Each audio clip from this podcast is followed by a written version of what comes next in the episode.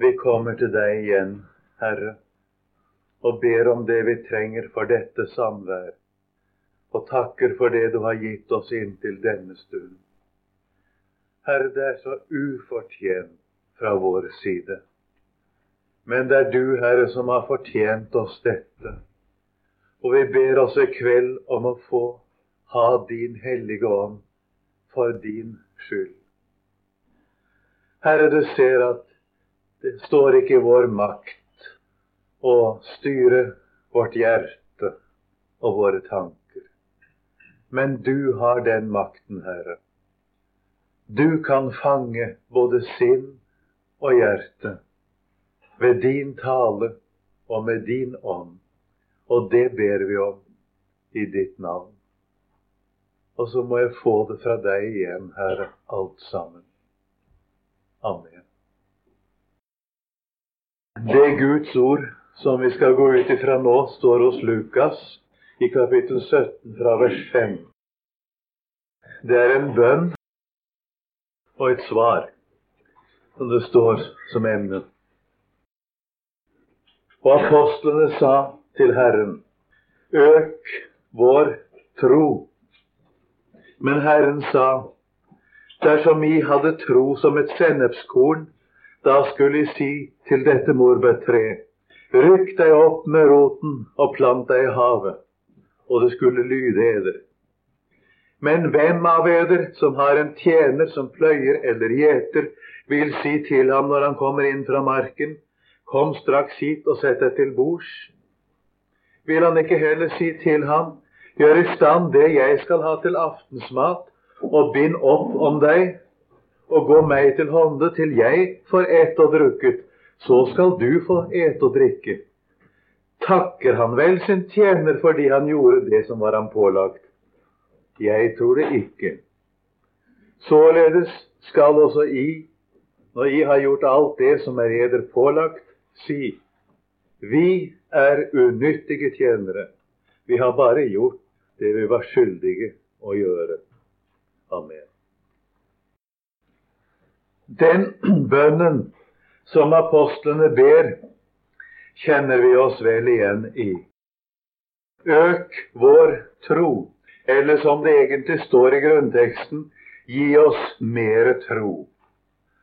Den hører vi ofte, og den ber vi ofte. Det er med litt forskjellige ord.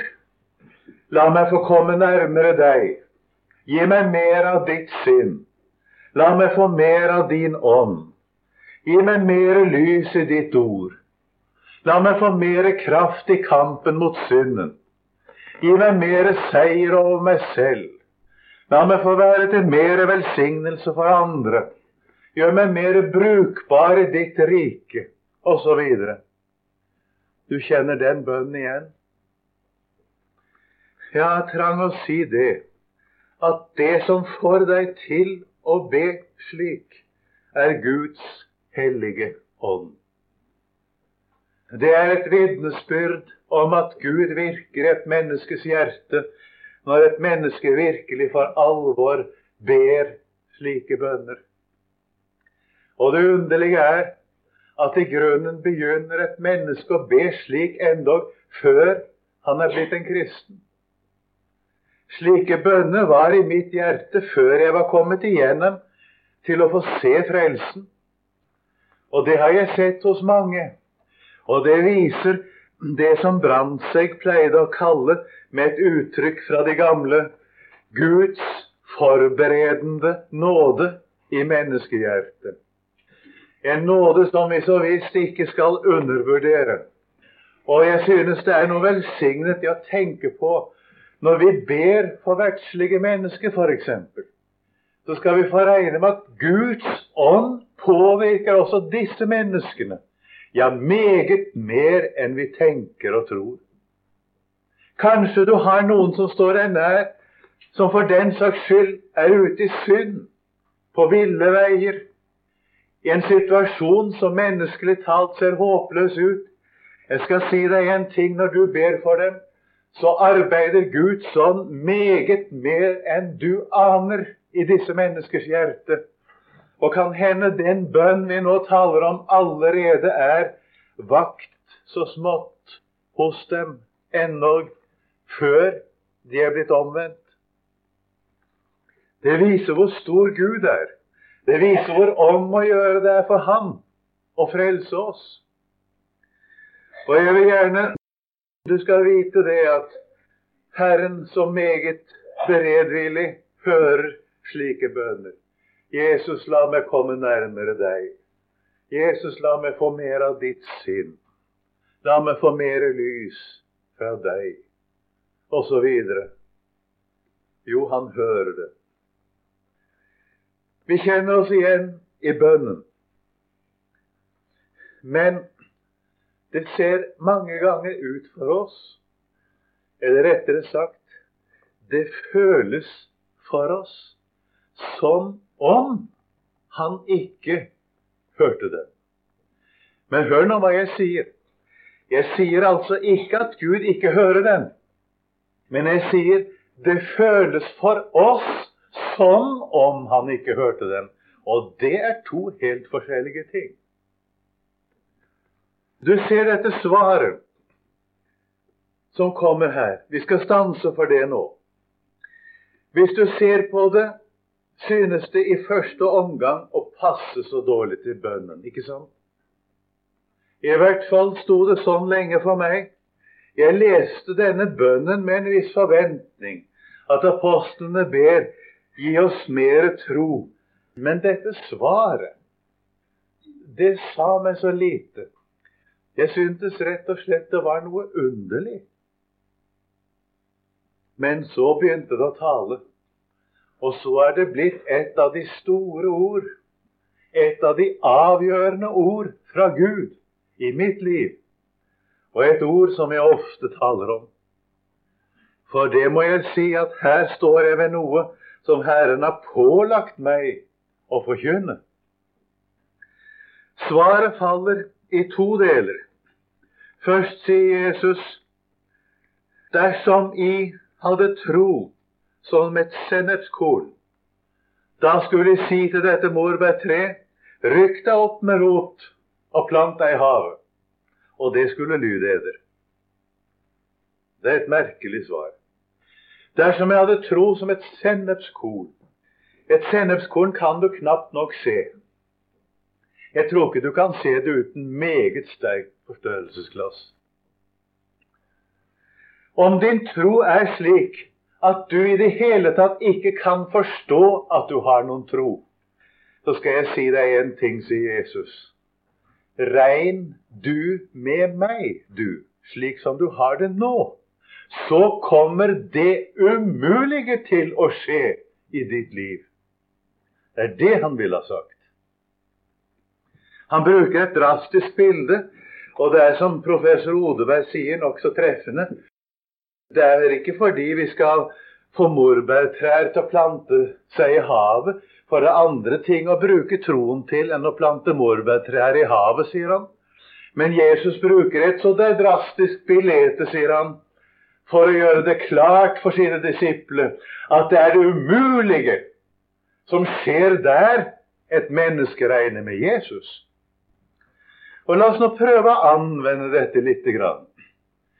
En sier omtrent så at hvis jeg bare hadde større frimodighet, så skulle jeg vitne om Jesus.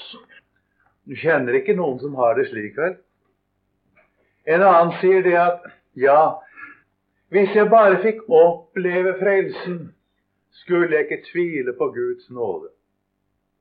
Du skulle ikke kjenne noen som sier det. En tredje sier Tja, hvis jeg bare fikk mer kraft, så skulle jeg nok seire over min synd. Så ber en om kraft, da vet du, er akkurat like kraftløs. Akkurat som en ber om frimodighet og ber om frelsesopplevelse. Og det blir verken frimodighet eller frelsesopplevelse eller kraft eller noen ting. Og sånn kunne jeg fortsette. En er minnet om å snakke med et annet menneske om Gud, og så sier en igjen Hvis jeg bare visste hva jeg skulle si, så skulle jeg nok gå til vedkommende. Og så ber en om å få noe å si, og så blir en gående der, og så skjer det ingenting. Og sånn kunne jeg holde på. Nå vil jeg få belyse dette med en situasjon i Jesu og disiplenes liv og virke. Jeg kunne nesten fristes til å si en velkjent situasjon. Men jeg har lyst til å si til dere det at dere skal ikke bruke det uttrykket. Jeg skal lese et ord som dere kjenner godt. Og jeg skal heller ikke bruke det uttrykket å snakke om en velkjent situasjon. For den som tykker seg å kjenne noe, han skal vite at han ikke kjenner noe således som han bør kjenne det. Vi kan si at vi skal lese et ord som vi leser ofte, men som vi nok dessverre altfor lite kjenner. Og det er det jeg skal henvise til nå. Et ord som er for så vidt ofte lest, ofte kanskje henvist til, og som vi vel altfor lite kjenner. Det var en dag ute i ødemarken en forsamling på 5000 menn. Jeg vet ikke om du har tenkt på den. Jeg husker jeg tenkte på det da vi var med generalforsamlingen på Framnes i 1946. Da var det nemlig 5000. Det var en stor forsamling. Det var endog en meget stor forsamling. Der satt folk alle veiene. Ikke bare på tunet, men oppover bakken og i alle vinduene. Overalt satt det folk. Så tenkte jeg med meg selv en slik forsamling av menn pluss kvinner og barn som måtte være til stede. Det var vel kanskje ikke så forferdelig mange, for det var den gang som det er nå i Østen og Midtøsten, at mennene de gikk ut, og kvinnene fikk lov å være hjemme og arbeide. Så det var vel for så vidt et fåtall i forhold til mennene, men det ble da en del av dem òg. Og så tenk på at alle disse var sultne, for de hadde ikke spist på nesten et døgn. Vi venter på at matklokken skal ringe her når tiden nærmer seg. Og vi er ganske sultne da. Det er iallfall jeg. Og har inntrykk at det er de andre òg. Hvordan tror du det hadde vært hvis det hadde gått et døgn før vi fikk mat? Situasjonen var i hvert fall den, sier ordet, at hvis ikke de fikk mat, ville de ikke greie hjemveien. Så er det spørsmål om å gi dem mat. Og så sier Jesus, ifølge Matteusevangeliets referat av dette, gi i dem å ete. Det sier Jesus til sine apostler. Og da syns jeg kan høre svaret. Vi vi har bare fem brød og to fisk. Hva er det til så mange? Når du tenker på at brødene i Israel de var som våre litt store rundstykker den gangen. Fem rundstykker og to innsjøfisk. Johannes evangeliet kaller det to småfisk, og det var det da også. Så sier Jesus, 'La folket sette seg ned'. Og det gjorde de. De satte seg ned der oppe i heia, som vi ville sagt i lag og grupper rundt omkring. Det satt folk alle veiene, vet du, så langt de kunne se. For 5000, det er ikke liten flokk menn, det. Pluss kvinner og barn. Og så skjønner disiplene at nå skal de gi mat til folket. Og da vet jeg hva disiplene ønsket. Da ønsket de at Jesus måtte gjøre et under. Å skape brød og skape fisk, så de hadde noe å ta av og gå med. Men det gjorde han ikke. Han tok de fem brødene og de to fiskene og delte ut til folket. Delte ut til apostlene, og de skulle dele ut til folket. Og jeg har lyst til å spørre deg, hvordan tror du det var med frimodigheten? Hvis du hadde stått der med et halvt rundstykke og du skulle dele ut til hundrevis av sultne menn og noen bete fisk. Hvordan ville det vært med frimodigheten? Da gikk apostlene. De gikk men hør nå, de gikk på Jesu ord, på Jesu ansvar. De hadde jo ikke noe valg da, heldigvis. De gikk på Jesu ord, på Jesu ansvar, og så begynte de å dele ut, og så hender det det umulige det hender. De deler ut og deler ut, og de begynner å spise, disse mennene, og kvinner og barn òg. Og de fortsetter å dele ut. Det minker ikke. Tvert om. Ettersom de deler ut, så ser det heller ut til å øke enn å minke. Og den frimodigheten de ikke hadde da de begynte, den begynner etter hvert å komme mens de holder på, tenker jeg. Og til slutt sier Guds ord de hadde spist seg mette. Og legg merke til hva Guds ord sier, for Guds ord taler nøyaktig. Guds ord har forutsett at rasjonalister og liberale teologer og nyprotestantister og, og litt av hvert ellers skulle prøve å bortforklare dette her. Derfor sier Guds ord i Johannes evangeliet det da de hadde spist seg mette av de fem brød og to fiskene. Det står det. Det var ikke noe ved siden av. Det var ikke noe i tillegg til dette. Men da de alle hadde spist seg mette av de fem brød og de to fiskene. Da sier Jesus sank sammen stykkene som er blitt til overs. Og de sanket dem sammen, og de fikk tolv kurver fulle. De kurvene de svarer til det de kaller for kiper her på Vestlandet. Det er sånn som den bærer på ryggen, og som går langt oppover nakken, over hodet også stundom. Det er sånne høye kurver, flettede kurver, som rommer en hel del. De hadde tolv slike, én på hver apostel. Og jeg har tenkt meg det at hvis de hadde hatt en sånn kjipe full av brød og fisk da de startet, så hadde de vært litt mer frimodige i starten. Men det hadde de ikke. Men de hadde det etterpå, sammen med frimodigheten. Ja, dere ler, men det er fordi dere kjenner dere vel igjen så kan vi begynne å anvende dette litt. Du sier det at hvis du hadde frimodighet, så skulle du begynne å vitne. Jeg skal gi deg et godt råd. Jeg. Du skal begynne uten frimodighet. Ja, det skal du. Så kommer frimodigheten mens du holder på. Jeg tenker på det som Jonas Skjerpe fortalte, som han opplevde i 1938 på Sognefjorden. Det har jeg fått bekreftet av den andre som var med på det. En lensmann der inne i Indre Sogn, i Luster. Han var lensmann der den gangen, i hvert fall. Det var en fin, blank søndagsmorgen. Han skulle inn til skansestevne, Skjerpe, i slutten av juli. Og så gikk han frem og tilbake på dekket. Fint vær. Stille på sjøen. Så sto det en mann ved relingen og nynnet på en kristen sang, og så vet dere hvor han Skjerpe er. Han er jo ikke akkurat så unnselig. Så gikk han bort og sa til mannen det at ja, enten er du en hykler, eller så er du en kristen. Og mannen så jo litt forbauset ut, da. Det gjorde han jo. Ja, sa Skjerpe, for enten så mener du det du står og nynner på, da er du en kristen. Eller så mener du det ikke, og da er du en hykler, sa han. Jo, han var da en kristen. Og de kom i samtale. Det var gildt å snakke med han, sa han. Og så sier han det i samtalens løp at jeg har så liten frimodighet. sånn, og det var så smått med han sånn. Ja, men det vet jeg råd med seg skjerpe. Og da så han nok enda mer forbauset ut. Nå går jeg til kapteinen og ber om at vi må få holde andakt her om bord, og så taler du, sa han. Nei, nei, nei, nei, nei, nei, nei, sa han. Det må du ikke gjøre. Jo, sa Skjerpe, det gjorde han. Han gjorde det òg. Og kapteinen var meget elskverdig og sa at det skulle de få på promenadedekket på førsteplass.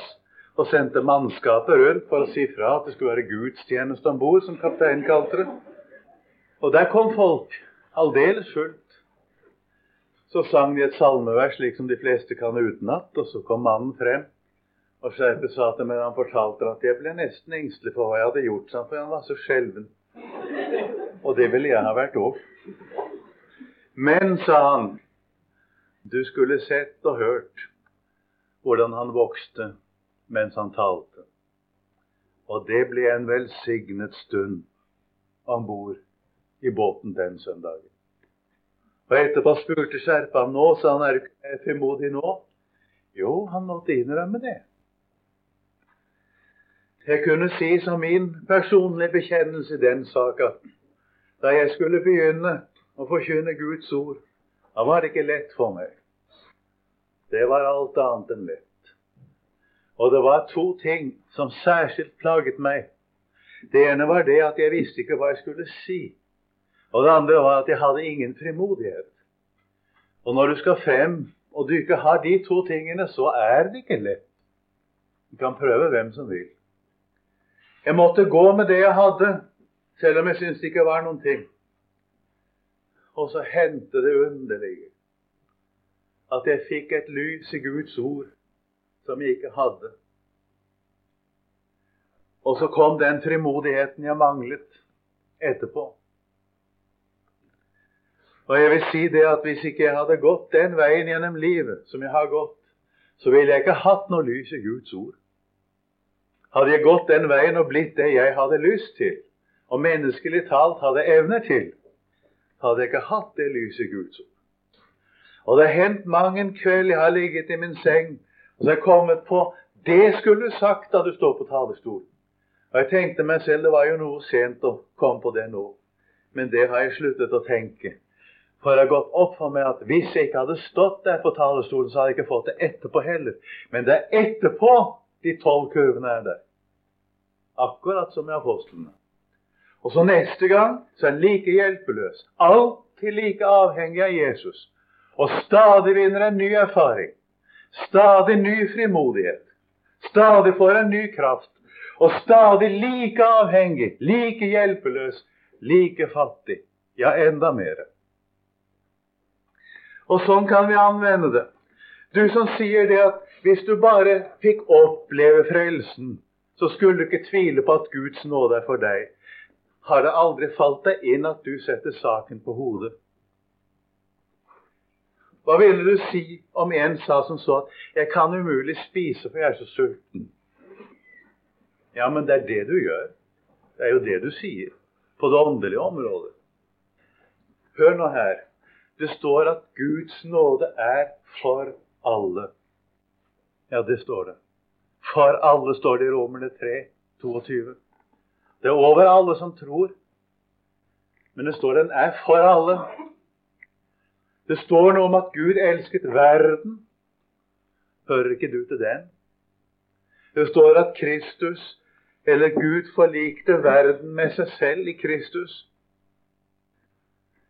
Enn om du begynte å tro at Guds nåde er for deg, og så ikke tenkte mer på den opplevelsen. Overlot det til Herren, og så begynte å takke for at da Jesus døde, så døde han istedenfor deg.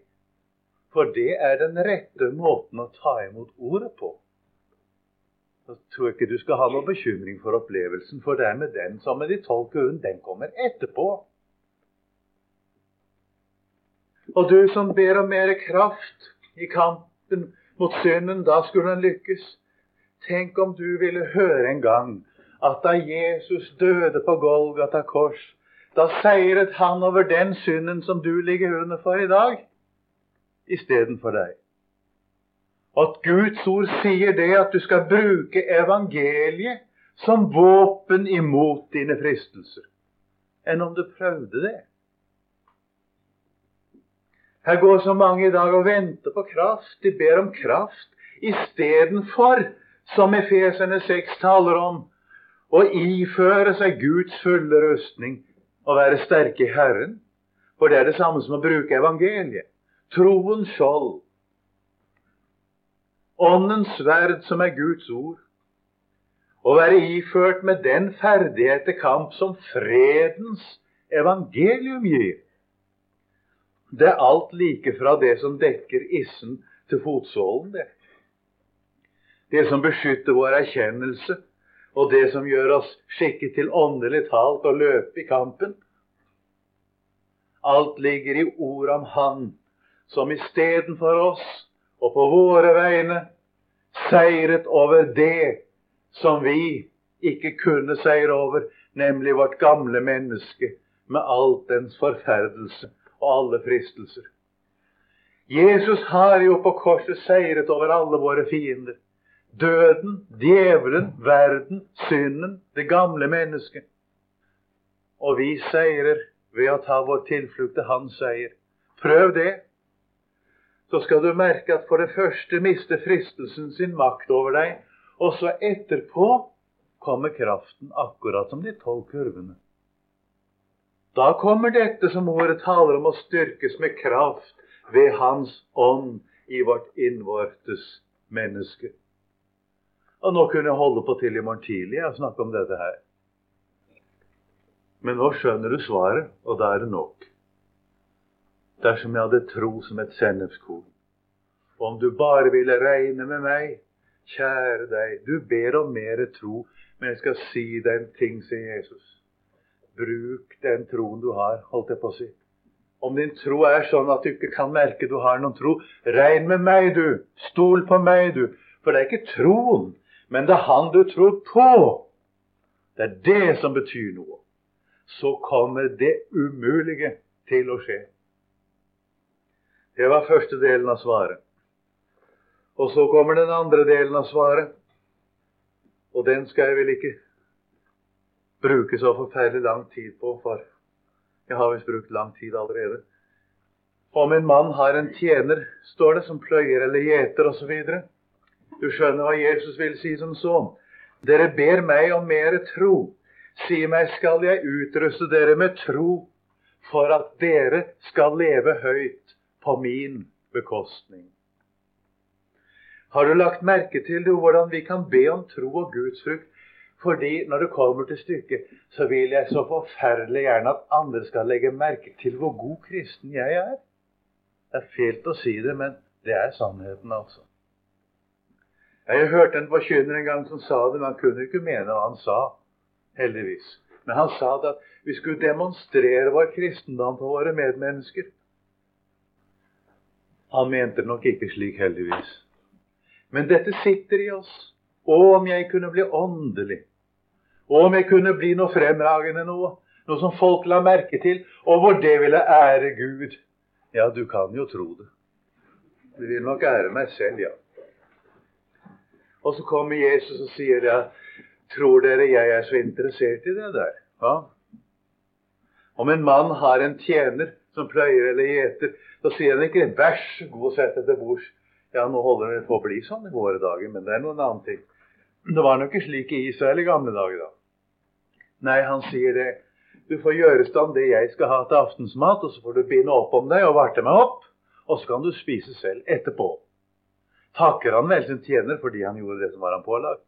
Jeg tror ikke det, sier Jesus. Skjønner du dette?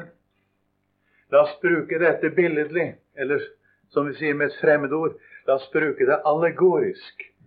Da bruker vi det litt mer enn som lignelse. Da bruker vi det som en billedtale. Det går an å gjøre det fordi det stemmer med Bibelen som helhet å gjøre det.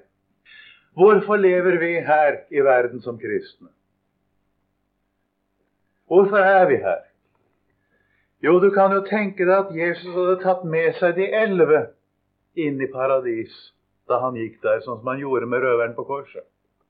Og at han hadde tatt Paulus inn i himmelen fra Damaskus, så hadde det ikke blitt flere kristne på jorden. Han lot de elleve være igjen, og han lot Paulus være igjen. Og så sier han like som Faderen har sendt meg til verden, så sender jeg eder til verden. Og hvorfor det? Fordi Jesus ønsker å se frukt av sitt fullbrakte verk på Golgata og det som fulgte med himmelfarten, og da han tok plassen ved Faderens høyre hånd. Det står, det er Johannes 4, etter det om Sykars brønn som vi snakket om i går, eller forgårs. Der står det at 'min mat', sier Jesus, er å gjøre Hans vilje, som har sendt meg. Det vil si, det som tilfredsstiller Jesus, er virkeliggjørelsen av Guds frelses rådslutning. Det vil nå, etter at frelsen er fullbyrdet på Golgata og Jesus har tatt plassen i himmelen, si det som tilfredsstiller Jesus, er og se frukt av sin fullbrakte frelse. Vi lever altså som kristne for å gå Han til hånde, så Han får ete og drikke. Det er bokstavelig, det er når vi bruker det billedlig. Og så etterpå, når vi kommer frelst hjem til Gud, i det fullkomne Guds rike, da skal vi få ete og drikke.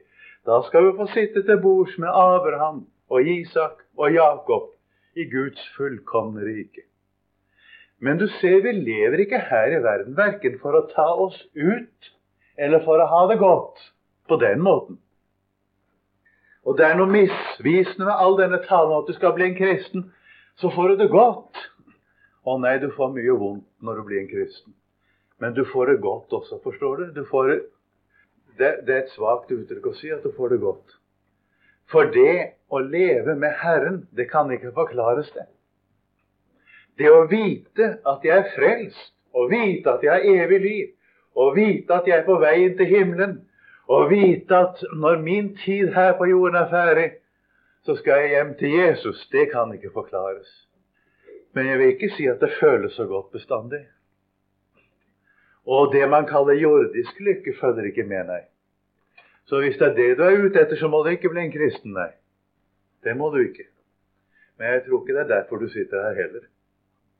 Men vil du vite hva lykke i ordets riktige og sannferdige mening er, så kan du finne den bare hos Jesus. Og den trives særskilt når vi får lov å tjene ham. Og det er noe forunderlig med det at når vi fortjener ham, da vokser vi i troen. Vi merker ikke selv at vi gjør det. Tvert om, det vi merker, det er hvor usigelig fattige vi er.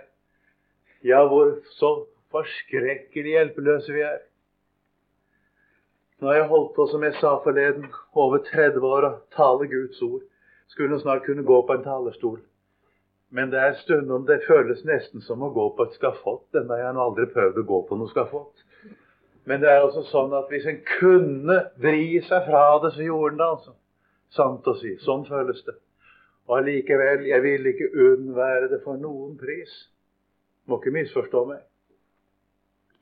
For der hvor en får lov å tjene Jesus, der er det virkelig godt å være. Så nå kan jeg da sammenfatte dette svaret som Jesus gir oss når vi ber om mer tro, i to enkle kjensgjerninger. Regn med Jesus og by deg frem i hans tjeneste. Så takker jeg deg for ordet Jesus. Så får du, Herre, anvende det på oss og tale videre med hver enkelt av oss. For det trenger vi, Herre. Amen.